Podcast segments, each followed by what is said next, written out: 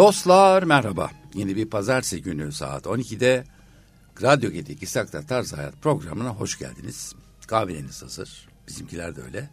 Bu kahve sohbeti esnasında size çok e, ilginç bulacağınız e, keyifle dinleyeceğiniz, izleyeceğiniz bir program sunmaya çalışacağım. Çünkü konuğum öyle bir mesleğin mensubu.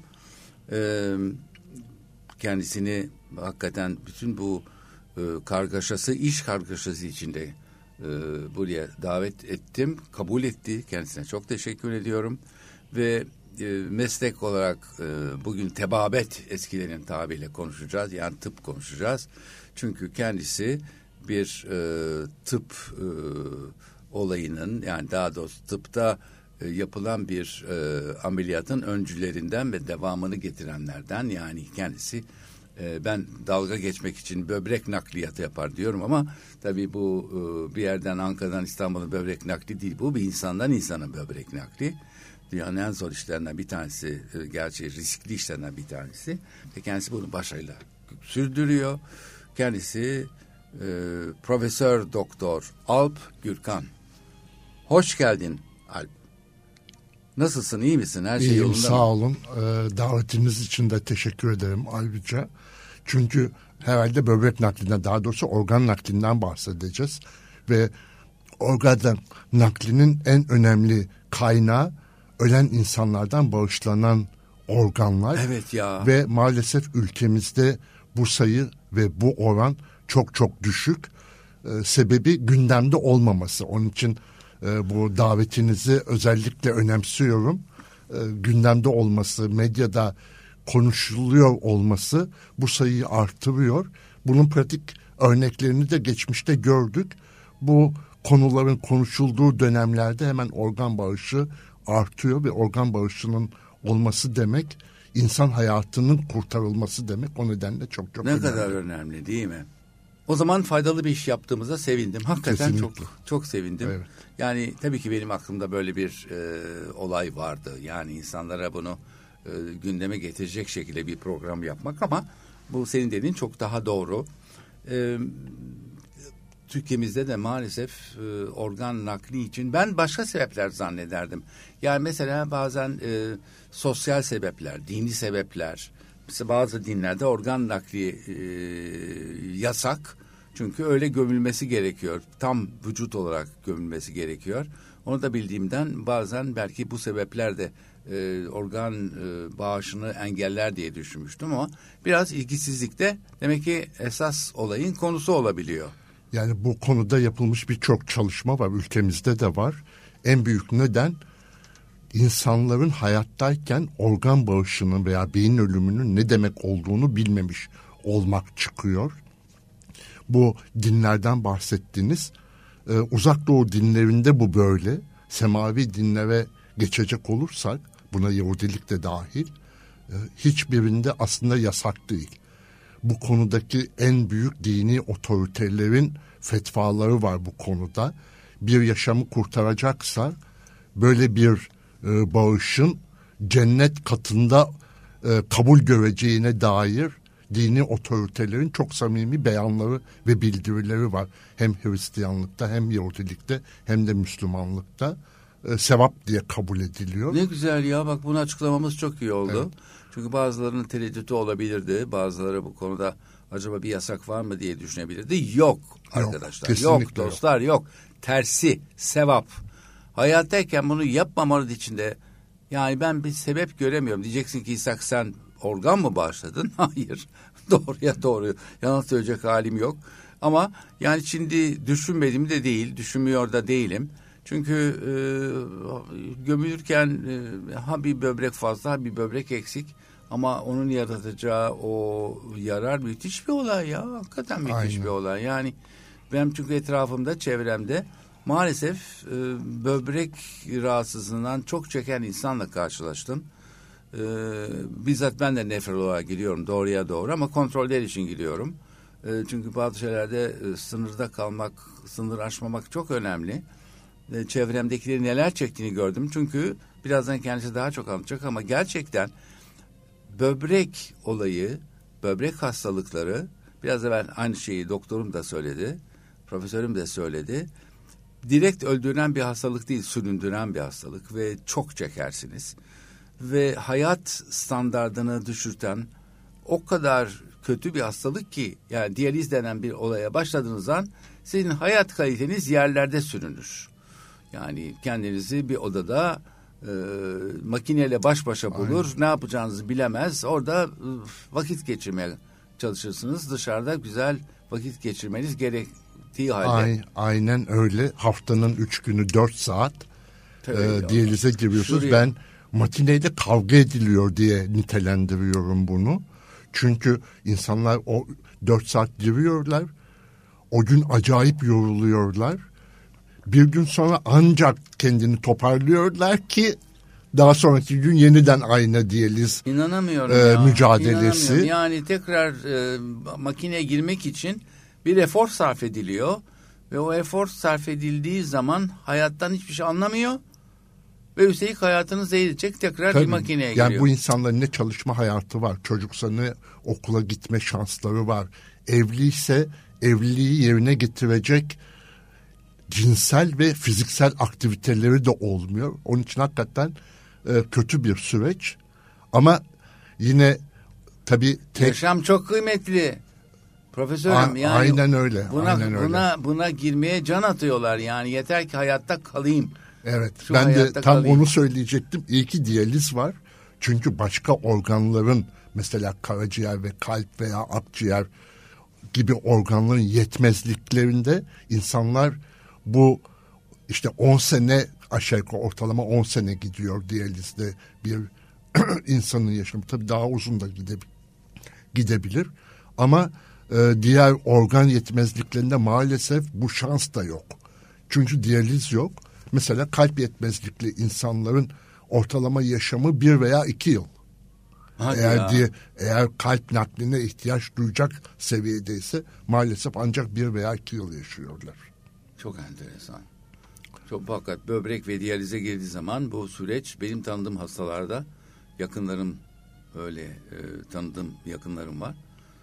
20 yıla kadar sürdü. Evet tabii ama daha kısa olanlar da var. Şu andaki bilimsel veriler 10-12 yıl 10-12 civarında. Yani enteresandır ki bir e, ölüm tebligatı alan birine bir gün dahi ilave etmek imkanı bulsa dünyaların onun olacağını düşünürseniz. Tabii yani düşünün bu bir gün bile 15 yaşında, 5 yaşında, 10 yaşında ay, çocuklarda ya. oluyor ve anne baba onun 15 yıl sonra öleceğini tahmin ediyor veya doktorlar söylüyor. Bu kadar yaşar diye. Sevgili hocam nasıl oluyor bu peki? Neden böbreğimiz rahatsızlanıyor? Ee, Birçok sebep var. Ee, bunlardan benim en üzüldüğüm, en sıkıldığım çocuk yaş grubunda olan özellikle kız çocuklarında sık görülen idrar yolu enfeksiyonu. Aa. Ben buna çok üzülüyorum çünkü bunlar önlenebilir Aa. Hastalıklar. Aa, yani gerçekten berbat. Anne baba biraz daha dikkatli olsa o kız çocuğu sık sık veya erkek çocuğu sık sık idrar yolu enfeksiyonu oluyor. Gece idrara belirli yaştan sonra gece e, idrar kaçırması oluyorsa bir doktora mutlaka başvurmaları lazım. Bu doktor da gerekeni yapıp da bir idrar tahlili yapıp bir idrar yolu enfeksiyonu veya daha ileriki e, incelemelerle bir idrar yollarında bir problem. Basit bir şey. Aynen. Basit ve önlenebilir ve has, o kişi hasta olmaz hayatı boyunca normal bir sağlıklı çocuk gibi yaşar ve hayatı kurtulur. Ee, çocuk yaş grubunda en büyük neden bu. Yine başka erişkinlerde de aynı problem var. Erişkinlerde de en sık görülen neden tip 2 diyabet ve hipertansiyon. Bunlar da önlenebilir hastalıklar. Yani diyabeti olan bir kişi kendi kan şekerine, beslenmesine dikkat ederse hayatı boyunca sağlıklı bir birey olarak hayatını devam ettirir. Hatta diyabet için söylenen bir şey var biliyorsunuz. Diyabetli hasta kendine iyi bakarsa normal insanlar da uzun yaşar. Fazla yaşar. Evet yani bu hakikaten güzel bir şey. Evet. Tabii burada önemli olan kendine dikkat etmek. Kilo almayacaksın, çok tatlı şeyler yemeyeceksin, suyunu Tabii, eksik yani etmeyeceksin. ayarlamak lazım. Hayatın her bölümünde nasıl aş- aşırı bir hayat tarzı yaşamıyorsan beslenmede de bunu yapmak Aynen lazım. öyle. Ama insanlar kaçırıyorlar ben söyleyeyim sana yani. Maalesef İşte maalesef hepimiz yapıyoruz Hepimiz zaman yapıyoruz. zaman bunu. Çok Ama doğru. şeker hastalarının bir alarmı var. Var Şeker yükselince Tabii. o alarm çalıyor. tabii. Ee, şeker hastaları olmayanın öyle bir alarmı yok. Onun için kilo aldıkça alabilirler ama zaten onlar da ileriki yaşlarda veya ileriki yıllarda onlar da e, kilolu olanlar haliyle onlar da şeker hastası olacaktır. Onun için kilo almamak çok çok önemli. Kesinlikle katılıyorum. Yani işte bu insan denen yaratığın e, kendine bakma oranı diğer e, ilgilendiği konulardan çok daha fazla değil. Çok Maalesef. daha az. Yani kendine ayıracağı vakit diğer işlere ayıracağı vakitten çok daha az. Halbuki sağlık her şeyden daha önemli. Bunu söylemeye gerek yok tabii. Peki bu diyaliz makinesi ne görev yapar? Şimdi vücutta normal yaşantımız boyunca aldığımız gıdaları sindirdiğimiz zaman zaten bize yararlı olan maddeleri alacağız biz. Aynı fabrika gibi düşünün bunu. Ee, bir üretime giriyorsunuz bir fabrika. Ondan sonra bacasından dumanlar çıkmaya başlıyor. Evet. Ee, bizim de bu metabolizma dediğimiz sindirme faaliyeti sonunda vücutta bazı zehirli maddeler oluşuyor. Bu zehirli maddelerin Kendimiz üretiyoruz. evet kendimiz üretiyoruz. Yani bize yararlı maddeyi almak için bazı atıklar üretiyoruz. Aynı Çok fabrika doğru. gibi. Çok doğru. Evet. Bu atıkların çok az kısmı akciğerlerden atılıyor. Yine bir kısmı karaciğerden atılıyor ama esas önemli bir bölümü böbreklerden atılıyor. Yani böbrekler vücudumuzda olan zehirli maddeleri süzüyor ve idrarla boşaltıyor. Bu süzme Filtre işlemi görevi yapıyor. Aynen filtre. Çok karmaşık, çok komplike. Hakikaten mükemmel bir şey. Hatta diyaliz bu kadar teknolojiye rağmen hiçbir zaman hiçbir diyaliz makinesi de bu filtrenin yerine geçecek mükemmelliyette değil şu anda. Yani şu şu yaradanın işine bakın ya. Yani hala biz onun yaptığı bir makineyi normal mekanik olarak veya elektronik her neyse adı Yapamadık yapamadık da. yani. Çok ilginç ya. Çok çok ilginç. Ve e, ülkemizde bu oran çok yüksek değildir inşallah diye Valla şu an almak istiyorum ama maalesef yüksek E, çünkü Batı ülkelerine göre yüksek hem beslenme tarzımız Hmm. hem kilomuz çok tuz tüketiyor olmamız e, maalesef bu oranı yükseltiyor. Bir de Akdeniz bölgesindeyiz. Biliyorsunuz e, Akdeniz bölgesine ait bazı hastalıklar var. Bu bölgeye ait sık görülen hastalıklar var. E, ailesel Akdeniz anemisi gibi e, Ak- Akdeniz ateşi, Hmm. ateşi gibi. diye bir hastalık var Evet, duydum bu bölgede evet. sık gözüküyor. Ee, bu da etkenlerden bir tanesi. Maalesef bizim ülkemizde e, onun için Batı Avrupa ülkelerine göre veya Batı ülkelerine göre biraz daha sık gözüküyor. Şu anda diyalize giren e, 85 bin insanımız var. Oo, Büyük bir rakam. oo. Hem halk sağlığı açısından büyük bir rakam hem e, ekonomik sağlık ekonomisi açısından büyük bir rakam. Çünkü biliyorsunuz diyalizi devlet karşılıyor. Evet çok pahalı Ee, bir iş bu. Çok pahalı bir iş. E, her seansta her kişi haftanın üç günü seansa giriyor hayatı boyunca Aman, ve aman. bunu devlet karşılıyor. Devlet bütçesine gerçekten yüksek bir e, yük getiriyor diyaliz. O nedenle aşağı yukarı bir 7-8 sene önce devlet ne oluyoruz? Çünkü sayı da giderek artıyor. E, bunun altından kalkamayacağız düşüncesiyle organ nakline çok önem verdi. 7-8 yıl önce çok ilgilenmiyordu organ nakliyle. Şimdi gerçekten e, yeterli değil ama güzel Bir adımlar kere attı. büyük para öder ama sonrasını kurtarır mantığı. Aynen. Ya çok çok ilginç. Gerçekten ben şimdi 85 milyonda e, ne olabilir 85 bin diye düşünmeyin. Çünkü sonuçta bu olağan bir hasta grip değil ki bu. Tabii. Yani ne bileyim Geçmiyor ben. hayat boyu devam ediyor. Ha, yani sürece. hayat boyu devam eden bir şey. Artı e, çok kolay da yakalanan bir şey. Önlemleri çok basit. Yakalanmamak için önlemleri çok basit Ama insanlar bunu yapmıyorlar ve 85 bin kişi bu illeti çekiyor diyeceğiz. Evet maalesef. Çok büyük bir rakam sayılır gerçekten öyle. Yakınlarım vardı hakikaten böyle bir makinede olan hakikaten yani kolay bir hayatları olmuyor. Ben ne kadar yaşıyorlar evet hayattayım diyorlarsa da biraz evvel de söyledik gerçekten kolay bir şey değil. Ne zaman başladık biz bu olaylara hocam? Yani Türkiye'de ya ben şu soruyu değiştiriyorum. Biraz da şahsi konuşalım. E, çünkü Alp hocam benim çok sevdiğim, çok e, samimi bulduğum bir yakınım. Sağ olun. Karşılıklı. E, teşekkürler. Şimdi dolayısıyla her türlü şeyi sorabilir, her türlü şeyi öğrenebilirim vallahi kendisinden. O yüzden hani kulağıma fısıldarsanız diyeceğim ama radyodayız tabii. Olmayacak bir şey. Hakikaten her şeyi öğrenmek istiyorum kendisinden. E, o yüzden ilk önce onu tan tanımak istiyorum. E, çocuklar genellikle pilot, itfaiyeci falan gibi şeyler. Oğlum, senin aklında doktorluk var mıydı? Kesinlikle. Ben e, mühendis yani lis, liseye kadar zaten insan ne olacağı konusunda Hiçbir şey yok ya. bir şey kafasında Ay, ilkokuldaki olmaz. ilkokul lafıdır bu biliyorsun. Oğlum ne olmak istiyorsun? İşte genelde doktor da derler ama pilot diyen çoktur. Niye bilmiyorum. İtfaiyeci diyen Anne çok. evet anne babası ne diyorsa veya bir rol modeli varsa bir karşısında rol modeli belki var evet. belki Evet. onu Bir söylüyor de çok olabilir. kahramanlık işleri oluyor ya pilot Evet, uçuyor, itfaiyeci o kıyafetin içine yangın söndürüyor falan hayat kurtarıyor. Doktor da hayat kurtarıyor. Doğru. Ee, dolayısıyla böyle bir şey ancak ilkokulu. Lisede böyle bir şey olmaz. Lisede artık insanlar biraz daha kendini bilmeye başlıyorlar. Ee, ne yapmam lazım hayatta, ne istiyorum, ne yapabilirimi düşünmeye başlıyorlar. ben İzmir kökenliyim ve İzmir'deki bizim arkadaş grubunun, arkadaş çevresinin en büyük hayali gelip buradaki bir üniversitede e, okumaktı. Özel olmadığı için söyleyebilirim herhalde. Tabii ki, tabii, tabii, tabii. Boğaziçi Üniversitesi Tabii, tabii, tabii. bizim zamanımızda zaten özel üniversite yoktu Ya, bizim yok, zamanımızda. tabii. Boğaziçi Üniversitesi çok popülerdi. Ee, benim de yakın arkadaşlarım, kayınbiraderlerim, sonradan kayınbiraderim oldu.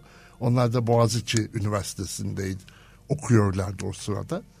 Benim de hedefim Boğaziçi Üniversitesi'nde mühendislik okumaktı. Ee, babaannem çocuklarının çok doktor olmasını istermiş. Ya Onlar böyle, olamadı. Böyle bir hastalık var ya. Bütün ebeveynlerde Evet. var. O benim, benim oğlum, benim kızım doktor. Aynen. Yani. Ha vakit sürün yani babam bir Yok meslek. birçok birçok meslekte çok değerli yani sadece değerli olan doktorluk değil ya birçok meslek. Hayır kendini düşünüyordu. Ben sana söyleyeyim biraz egoistler bu konuda. Gerçekten öyleler. Evet, yani doktor en azından- olsun, bana baksın. bana baksın. Ailede bir Aynen, doktorumuz olsun aynen. yani yakın. Aynen öyle. Her şeyine itimat edeceğimiz. Ee, aslında böyle çok parlak bir yani iyi bir talebeydim, iyi bir öğrenciydim ama böyle sınıf birincisi falan değildim. Ee, bu tıp fakülteleri o zaman daha yüksekti Boğaziçi'nden. Babam da dedi ki ya tıp fakültesini yaz nasıl olsa giremezsin. Ben de e, 12 tane Şu tercih yap- temenniye bakın ya. 12 tane tercih yapmıştım. O zaman 24 tercihti. Sınavdan önce tercih yapılıyordu benim zamanımda. 12 tane tercih yapmıştım. Hadi dedim babamın hatırını kırmayayım. Birinci sıraya e, tıp fakültesini, Ege Tıp Fakültesi İzmir. Tabii. Diğerleri hep İstanbul Boğaziçi'ydi. Hay Allah. Hay Allah. Ee, ondan sonra tıp fakültesi oldu ama hiç pişman değilim onu söyleyeyim. Gerçekten Yok mesleğimi nasıl pişman e, çok ben sever. İyi Pişman ki olsan ben seni pişman ederim burada. Var mı öyle şey ya? Dünyanın en önemli işlerinden birini yapıyorsun. Yok Ee, babamı da rahmetle anıyorum. Ee, gerçekten e, güzel bir yere soktu beni. Maşallah. Evet. Benim abim de doktordu ve babamın sayesinde doktordu. Yoksa ona kalsa tüccar olacaktı veya onunla ilgili bir fakülteye girecekti. Babam çok fena bastırdı. Hakikaten doğru. Babalar bazen böyle şeyler yapıyorlar ve doğru yapıyorlar. Onlara şükran ve minnet borcumuzu Aynen, buradan belirtelim. Aynen, aynen. Allah Ve eylesin. üniversiteyi kazandın tabii haliyle. Ee, üniversiteye girdin. İzmir'de okuyorsun. Evet. Nasıl İzmir'deki tedrisat İstanbul seviyesindedir ve belki üstündedir Allah bilir. Yani eşit diyebilirim. Ee, çünkü Ege Üniversitesi Türkiye'nin en köklü Aa, tabii. tıp fakültelerinden bir tanesi. Tabii. Zaten maalesef e, burada politika konuşmak yok biliyorum. Evet. Konuşmayacağım ama maalesef e, o kadar çok özel tıp fakültesi açıldı ki ben de bunlardan birinde e, öğretim üyesiyim. Ona rağmen öz eleştiri yapıyorum. Bu kadar çok tıp fakültesi açılıyor olması ileriki yıllarda bizim e, toplumumuzun sağlık açısından e, biraz sakıncalı görüyorum. Çünkü hiçbiri bir Ege Üniversitesi, bir İstanbul Çapa Üniversitesi veya Hacettepe Üniversitesi kıvamında değiller. O nedenle biz de doktor yetiştiriyoruz. Halbuki ee, farkı çok iyi bildiğini biliyorum evet, ben. maalesef. İnanıyorum ama yani neredeyse sağlıkçı niteliğinde e, mezunlar veriyorlar aslında. Çok doğru söyledin. Evet. Bunu sen söyleme ben söylüyorum. E, politik olması da hiç önemli değil. Çünkü buna dikkat etmezsek bu sonunda e, ülkenin e, sağlık politikalarını çok fena etkileyecek.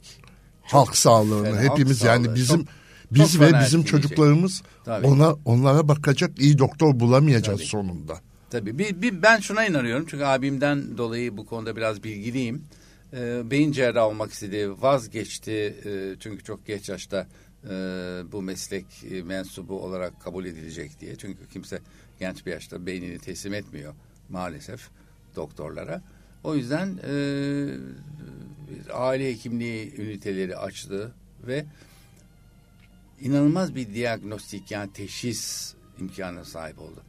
Bana sorarsan ilk görev doktorlukta doğru teşhisi koymak. Aynen öyle. İşte bu yüzden o yeni mezunlar şayet bunu yapamayıp da eğer teşhisi koyamazsa ölüme kadar giden olaylar karşılaşılır. Çok basit yani. Yani hala anlamıyor. Gidiyorsun başım ağrıyor. Yok sen dün gece üşütmüşüm biraz diyor ve seni geri yolluyor. Bu bir üç olunca. Veya hemen tomografi hemen tomografi o da çok yanlış, o da bir, şey, yanlış tabii. bir şey. Ülkenin kaynakları boşuna israf ediliyor. Çok hem de hem de çok hem de yani hem eğer devletse devlet kaynakları hem özelse inanılmaz pahalı bunlar çünkü çok pahalı şeyler. Gerek yok o yüzden tamam makine e, teyit için önemli ama ilk teşhis için değil. Kesinlikle. Sadece teyit et yani ben şüpheleniyorum, inanıyorum ama gel buna bir de e, makine de acaba onaylatalım derse değil mi yanlış mı söylüyorum? Kesinlikle. Ben öğrencilerime sınavda zaten tedavi hiç sormam. Nasıl tedavi oluyor sormam. O uzmanlık alanına evet, giriyor. Tabii. Aslında hastalığı tanımak çok önemli dediğiniz gibi özellikle acil dediğimiz yani apandisit bunu tanıyacaksın veya evet bir ya. mide kanaması bunu tanıyacaksın ki evet. hastayı doğru zamanda doğru yere evet. yönlendirebilesin. Ölümcül Bu çok, çok şeyler bunlar. Aynen. Aman Allah göstermesin kimseye vermesin ama inşallah iyi doktora çatarsınız temennisinde Diyelim. bulunuyorum. Valla evet. dileğinde bulunuyorum. Çünkü sizi yoksa hakikaten süründürür ve sonu da çok iyi olmaz.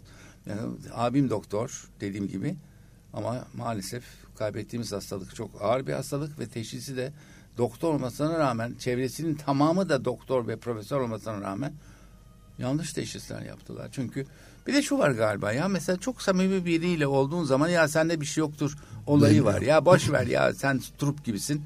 Yani bir de yani muayene edip bir para masrafı ettirmemek için sende bir şey yok ya falan gibi bir olayla karşılaştı büyük bir ihtimalle abim. Bu evet, da çok yanlış ya. Yanlış. Bu da maalesef. Bazen bir buçuk kendi, sene geç kendi aramızda espri olsun diye diyoruz. Muayenehaneme gel de bakayım diyoruz. Dediğiniz doğru. Hakikaten e, bir şey yoktur falan yoktur geçiştirme. Gibi. Yani Çünkü yüzden... sohbet esnasında tanı konamaz. Yani Yok hakikaten hasta hekim ilişkisiyle bunu sorgulamak evet. lazım. Zaman zaman hepimizin yaptığı hatalardan bir tanesi Maalesef bu. bu gömleği değiştireceksin, atacaksın, doktor gömleğini giyeceğim, öyle bakacaksın. Arkadaş gibi de görmeyeceksin. Yani Aynen olay öyle. bu olmalı tabii ki ama Maalesef bu çok yapılamıyor.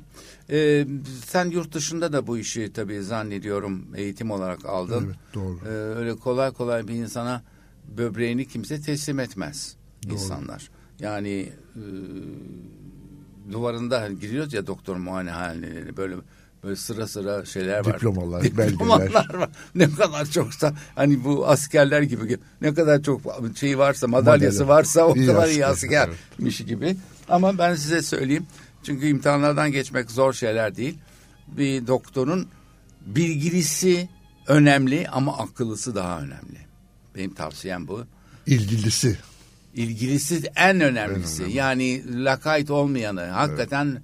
Hastayı takip etmek. Gerçi Amerika'da veya Avrupa'da bu maalesef çok olan bir şey değil. Yani orada biraz fazla ticari mi yapılıyor? Çünkü burada dikkat ediyorum hasta doktor ilişkisi çok daha iyi. Kesinlikle daha iyi. Yani değil mi ülkemizde? Kesinlikle daha iyi. Buna dışarıda hiç hiç dikkat etmiyorlar yani. Vallahi do Amerika'da benim kardeşim ve kayınbiraderlerim Amerika'da yaşıyorlar şu anda. Orada doktora ulaşmak çok daha zor. Bizde hemen Tabii. E, doktora gitmek kolay. Özellikle bu e, sağlık reformu iyi yanları da var, kötü yanları da var. Yine politikaya girmeyelim ama e, iyi yanlarından bir tanesi doktora ulaşmak çok kolay oldu artık. Evet bizde öyle. Ee, her ne kadar e, bu sebepsiyle doktor dövülüyorsa da e, aslında o ilişkiyi kurmak çok zor evet. değil. Ya bence bu tatsızlıklar da maalesef e, karşılıklı e, biraz halk olarak ateşli olduğumuzdan kaynaklanıyor. Sen bana ters baktın ben sana ters baktım kavgası çok olur ya Türkiye'de. Evet. Doktorla hasta ilişkisi arasında da böyle oluyor. Hasta beğenmiyor ona davranış biçimini. Halbuki o anda belki sinir. Her doktor her şey olabilir o sırada. Hata da yapmış Hata olabiliriz. Da yapmış yani olabilir. hiçbirimiz mükemmel değiliz. Hata da yapmış olabiliriz ama bu hatanın e, belirli bir ölçüde olması lazım. Tabii İnsan ki. hayatını tehlikeye işte atmamış o, olması o, o lazım. O kötü, o kötü. Yoksa niye bana önce bizim hasta önce baktın, niye sonra baktın gibi bir de böyle e, şeylik var böyle e, kabadayılıklar da var maalesef bizim ülkemizde. Ağa getiriyorlar köyden yani zannediyorlar ki köyün içindeki mevkiinde bu adam hastanede. Halbuki orada herhangi bir hasta. Tabii. Bizim Doğru, için bunu, bizim için öyle. Ha yani bunu anla, anlamaları mümkün değil. Çok zor, çok Tabii zor. bir hata da olduysa bunun karşılığı doktor dövmek veya öldürmek değil. hukuki yollara başvurarak hakkını evet. aramak olmalı. Kesinlikle katılıyorum maalesef. İnşallah bugünleri e, geride bırakır e, bu tip olaylarla hiç karşılaşmayız. Şimdi soracağım şey şu. Nasıl karar veriyorsun nakil yapma olayına? Şimdi son çare mi artık? Tabii e, böbrek yetmezliğinin böbrekten bahsedersek. Böbrek bahsediyoruz. E, böbrek yetmezliğinin beş evresi var. Bu evreyi kreatinin klerensi dediğimiz yani vücutta oluşan zehirli maddeleri atma hızıyla ölçüyoruz. Halk arasında e, kaba tabirle yüzde onun altına düştüğünde artık böbrek tabii yüzde on değil ama halk arasında çok yaklaşık bu e, artık böbrek o zehirli maddeleri atamaz duruma geliyor. Bu sefer o zehirli maddeler vücutta birikiyor ve bütün sistemi etkiliyor. Beyni, kalbi, damarları, karaciğeri, her tarafı kemikleri, her tarafı etkilemeye başlıyor. Ha yaşa ben de bunu söyleyecektim. Yani böbreği rahatsız eden bir durum değil. Tam tersine vücudun kendisini rahatsız eden bir tabii, sistematiğe Tabii tabii böbrek zaten ölmüş. ölmüş işi zaten. Yaramıyor. O zehirler vücudun diğer sistemlerini bozmaya başlıyor.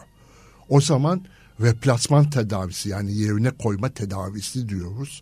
Ya diyalize girecek o kişi ya da bütün dünyada olduğu gibi altın standart tedavi deniyor buna. Böbrek nakli olacak. Yani 10 mililitre böyle dakikanın altına düştüğü zaman yani yüzde onun altına düştüğü zaman böyle bir yerine koyma tedavisi gerekiyor. Böyle bir hasta karşımıza geldiğinde bazen tabii bununla gelmiyor. 60 ile 70 ile geliyor.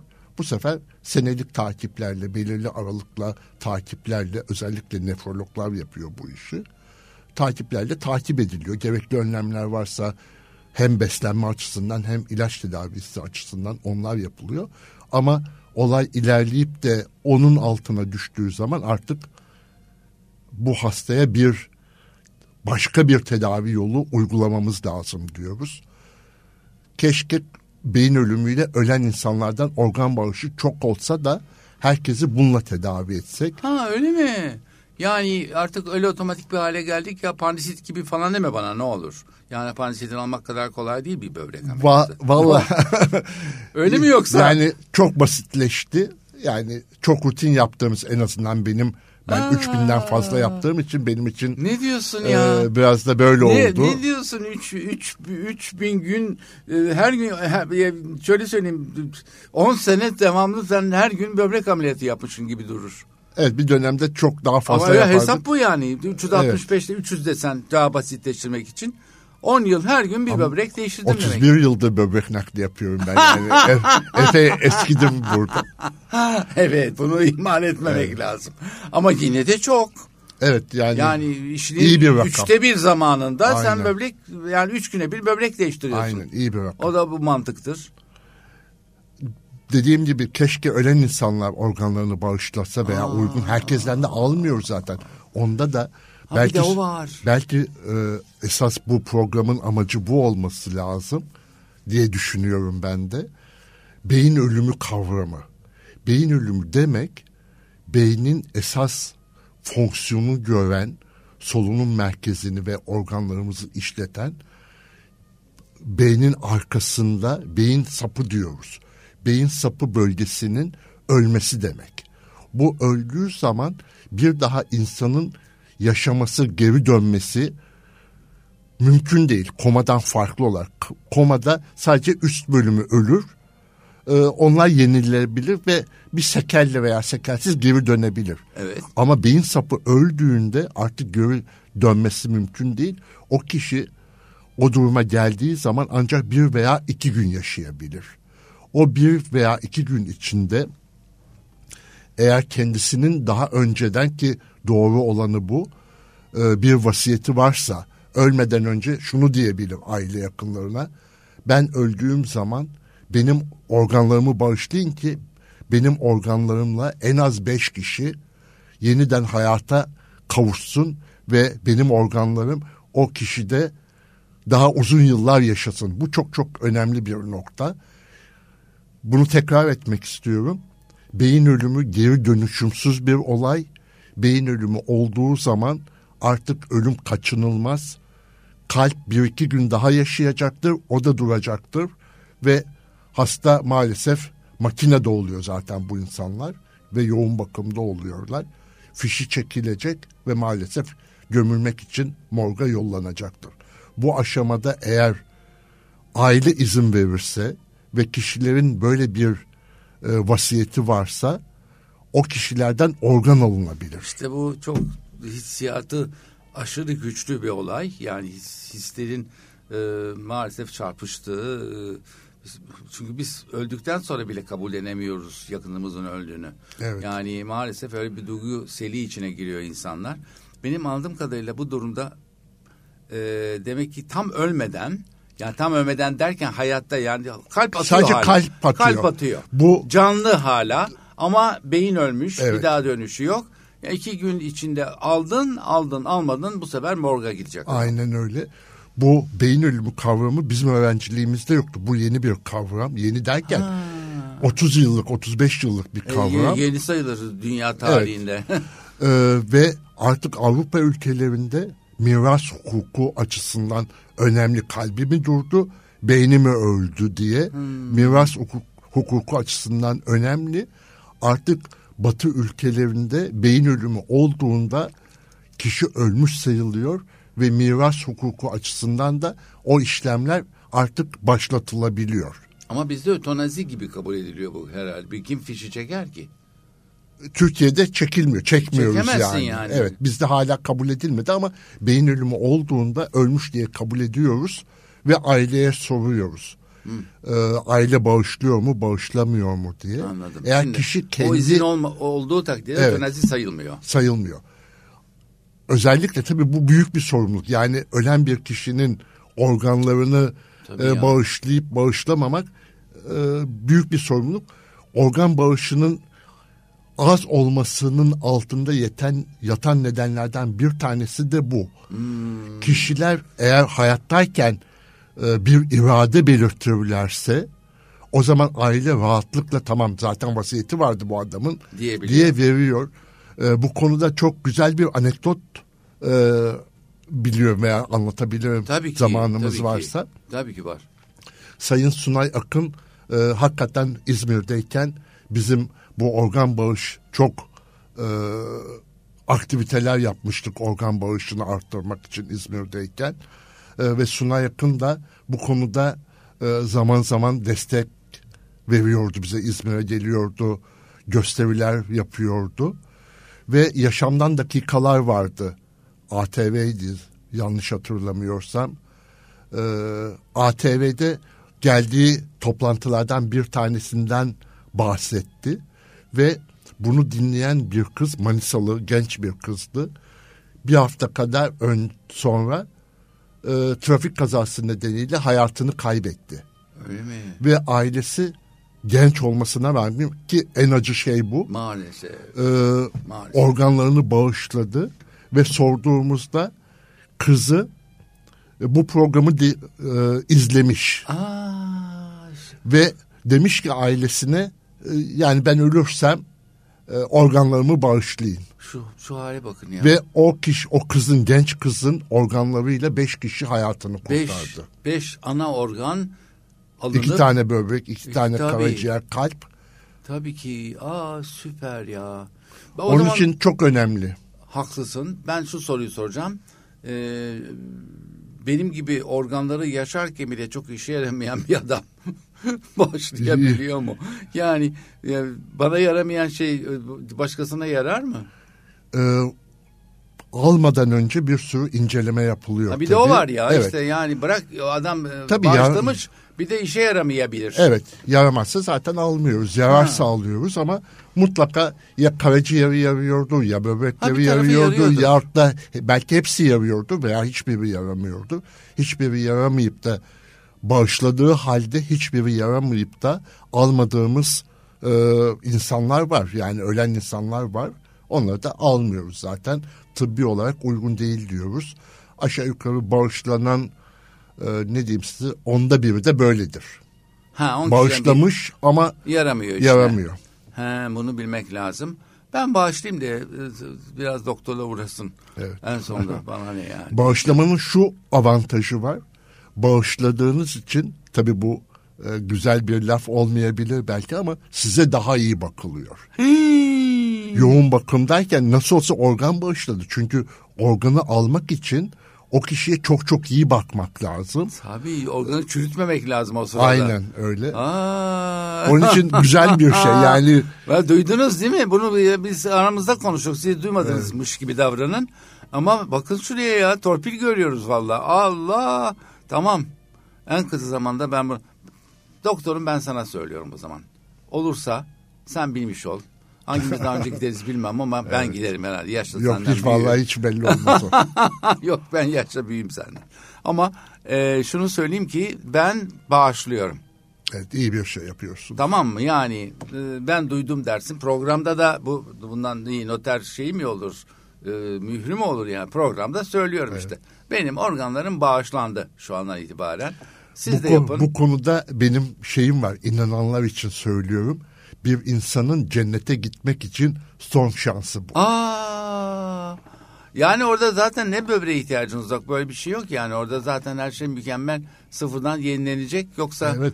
Yani e, Kıyamet suresi var bu konuyla alakalı. Yani Aa! dine de girmeyelim diyorsunuz ama iyi. yine bunu söylemek istiyorum. Ee, Ulu Yaradan diyor ki ben sizi saç telini mealen söylüyorum elbette. Saç telinizden yaratamayacağımız mı zannediyorsunuz? Yani yeniden bir doğuşa inanıyorsak tabii Ulu ki. Yaradan bizi saç telimizden bile yeniden yaratacaktır. Benimki, Onun benimki için ilaveli çürüyen sa- saç olsun ne olur. Yeteri kadar Evet. ben saçsız dolaştım hayatımda. Ee, doğacaksam saç bölümü e, ekstra Olsun. olarak yazılmasın bana. Evet. Yani varmış gibi düşünülsün Tamam. lütfen. Bu da çok önemli.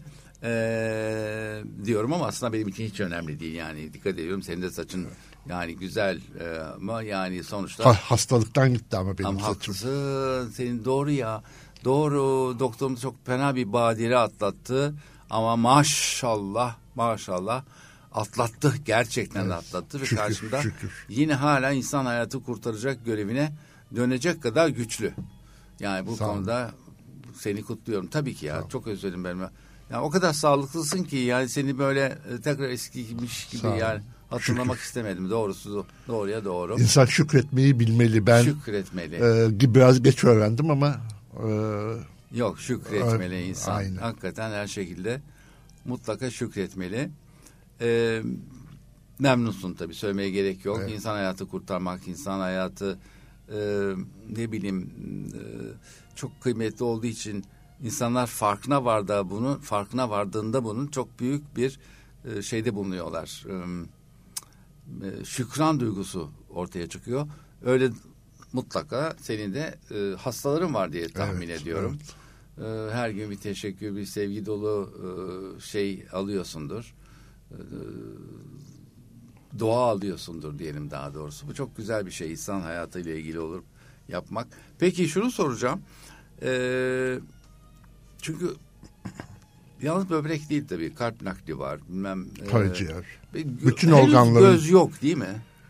Gözün saydam tabakası yani kornea dediğimiz Kornea var tabakası var. Ha o zaman Ee, gözle bağışlıyorsun. Evet. O Ben zaman- yapmıyorum ameliyatını Yok ama, ama, yedi etti o zaman. evet. Öyle ama mi? gözler zaten e, aileden yasal olarak bağış gerektirmeyen, izin Ha. gerektirmeyen organ çünkü doku sayılıyor, organ sayılmadığı için. Ha, E, ama yine de biz e, alacağımıza müsaade ediyor musun diye etik olarak soruyoruz. tamam ona şüphe yok. O, öyle de olmalı diye düşünüyorum. Ee, ama dediğim gibi sonuçta her ne kadar e, apandisit seviyesini indirdiysek de aslında çok da riskli ameliyatlar olmalı diye düşünüyorum. Hasta nasıl bir bilinçte giriyor? Yani ben bu masadan kalkamayabilirimi bilerek giriyor çünkü. Elbette yani e, kolay oldu bizim için diyoruz ama yine de e, komplike bir ameliyat bu. Olmaz mı? Hastaya bütün risklerini, e, kanayabileceğini, masada kalabileceğini, her şeyini anlatarak giriyoruz. Yani e, zaten bir doktor mutlaka hastaya bütün risklerini, her şeyini dürüstlükle anlatması lazım ki ondan sonra hem başı ağrımasın, hem dövülmesin, hem öldürülmesin. Tabii. Bu çok önemli. E, biz de anlatıyoruz yani. Başarı oranı nedir? Şimdi bir yıllık başarı oranımız yüzde 96.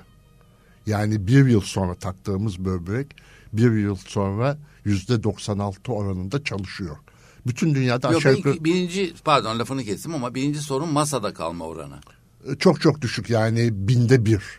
Bin kişi de bir kişi. Benim mesela öyle bir hastam olmadı. 3000 tane yaptım. İşte buyurun. 3000 tane buyurun, de geçti. Doktorumun başarısına Evet, bakın. Öyle olmadı ama olabilir de yani Tabii bu ki ona şüphe e, yok. Benle alakalı bir şey de değil. Daha dün yaptığımız bir hastada ilginç bir şey oldu. E, vericisini aldık ameliyata. Ameliyatın ortasında haber geldi hemşireden yukarıda e, alıcısı yukarıda hazırlanıyor. Sonra indiriyoruz Evet. onu böbreği çıkartmaya Evet. yakın.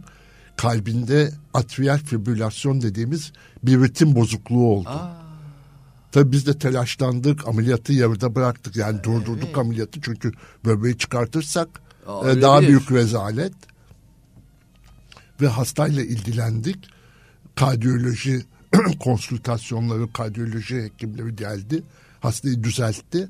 Ondan sonra e, düzeldikten Hmm. Yani sonra şimdi- ameliyat... Aman Allah'ım yani şimdi bir Bu düşünmesi. masada da düşünmesi bile olabilirdi. kötü. Yani büyük bir Evet. şanslılık ameliyat sırasında da olabilirdi Hadi bu. ben o kısmını atladım tabii. Yani iki hasta her zaman e, bazen o anda Bu canlıda. ha donas dona, do- do- donör dediğimiz kişi o anda canlı mı veriyor eğer Evet veriyorsa? işte diğer alternatif beyin ölümüyle bağışlanan organların dışındaki, Dışındaki- alternatif canlı verici maalesef ülkemizde de canlı verici oranı yüzde seksen. Ya Batı ülkelerinin tersi bir oran ya bu. Ama tabii güzel bir şey de aile bağlarımız ülkemizde çok sıkı olduğu için bu sefer aile yakınları da organlarını bağışlamakta tereddüt etmiyorlar. Ee, Evet, bu bazen iyi bazen kötü. Çünkü sosyal medyada maalesef e, böyle bir habere rastladım ben. E, e, otobüs duraklarında böbreğimi satılıktır diye ilan yapıştırmış insanlar var ya. Evet. Bu nasıl bir nasıl bir durum yani? tabii çok üzücü. Çok Herhalde çok zor durumda ekonomik yani olarak ki. bu- kalma ihtimali var çünkü yani ne kadar yok desek de o Tabii. parayı almak için Aynen. adam orada Hayatını riske hayatını atıyor. riske ediyor sonuçta. Bir de sonrasında da sonrasında devamında tek böbrek nasıl? Eğer alınacak derecede sağlıklıysa tek böbrekli olmanın hiçbir sakıncası yok. Çünkü doğuştan tek, tek böbrekli olan insanlar hayatını son derece normal devam Ama ikisinin ettiriyorlar. işini bir tane yapıyor. Evet o biraz daha büyüyor aldıktan sonra diyelim ki verdi. Ha. Aldıktan sonra o böbrek kalan böbrek biraz daha büyüyüp diğerinin işini rahatlıkla görüyor. Ha. Zaten buna bakıyoruz ameliyat etmeden önce. Mutlaka canım, Canlıdan. ona- ona- Eğer öyle bir şeyse kabul ediyoruz. Ama bu e, otobüs duraklarındaki ilanı geri dönecek olursak bu yasak bir şey. Ben bunu insan ticaretiyle, kölelikle eşdeğer kabul ediyorum. Ben çok doğru. Haklısın. Ee, ve kanunen yasak hapis cezası var bunun organ kaçakçılığı tarzında bir hapis cezası var. Alan içinde, veren içinde ve aracı olan insanlar bunlar Yapan doktor içinde. Doktor içinde bu geçerli. Böyle bir şey yapmamak lazım. Ee, hiçbir zamanda bir çare değil bu. Çünkü parayla satan insan hiçbir zaman aldığı paradan Memnun tatmin olmayacaktır. Haklısın. Ve veren kişi, verdiği kişiyi de sürekli taciz edecektir. Yani bu yapılmaması gereken ne etik açıdan ne kanuni açıdan ne tıbbi açıdan olmaması gereken bir şey. Her ne kadar büyük bir ihtimalle o hastanın e, alan kişiyle temasını kesmek gerekiyorsa da yani bilmesi Kesilmiyor çünkü aynı anda aynı anda oluyor Aynı bu. serviste oluyorlar. Aynı anda oluyor bu. birbirlerini görüyorlar. Aynı anda oluyor. Aman Allah'ım çok sıkıcı ve zor bir durum. Ve üstelik de çok bazen yasal değil dediğin gibi. Ama maalesef ihtiyaç neleri yaptırıyor insanlara görüyoruz. Maalesef. Maalesef. Maalesef. Maalesef. Ya çok güzel bir sohbetti gibi geldi bana. Umarım şeyler de e, e, dinleyenlerim de sağ olsun dostlarım da epey bilgi edinmişlerdir. Çünkü benim de merak ettiğim ama onların da merak ettiğini düşündüğüm bir konuydu. E, insanlar bu tip şeyleri e, e, bilmek zorundalar da bence yani. Çünkü kimsenin başına gelmez diye bir garanti yok. Aynen. Geleceği içinde bir takım şeyleri önceden e, en azından önlem alarak veya bilerek e, bu konuda e, kendilerini yönlendirebilirler. En basit öğrendiğimiz şey mesela. Yani olmamak için kardeşim bu e, şey e, al, e, soğuk e, nedir o? E, İdrar yolu idrar yolu bozukluğu bu nelere yol açabiliyor hayatımızda. Özellikle çocuklarda. Çocuklarda buna mutlaka dikkat etmemiz lazım. Doktorum ya şahane bir sohbet ettik. Ne güzel Tamam, bütün bilgilerini emdik senden bilebildiğini aktarabileceğin. Ee, ama profesyonel kısmını sana bıraktık. Hala ameliyat yapabileceksin. Evet. Şahanesin. Onun sırrını söylemiyorum. evet. Süper. Süper. Dostlar yine bir sohbetin sonuna geldik. Bundan sonraki bir sonraki daha doğrusu İshak'ta Tarz Hayat programına kadar size veda ediyoruz. Hoşça kalın diyoruz ama bu süre içinde de sevgide, sağlıkta, neşede, heyecanda, sanat dünyasının her türlü branşında yani hayatın zevkine varacak şekilde kalın. Hoşça kalın. İyi günler, hoşça kalın. Organ bağışını da unutmayın lütfen. Evet organ bağışında kalın lütfen.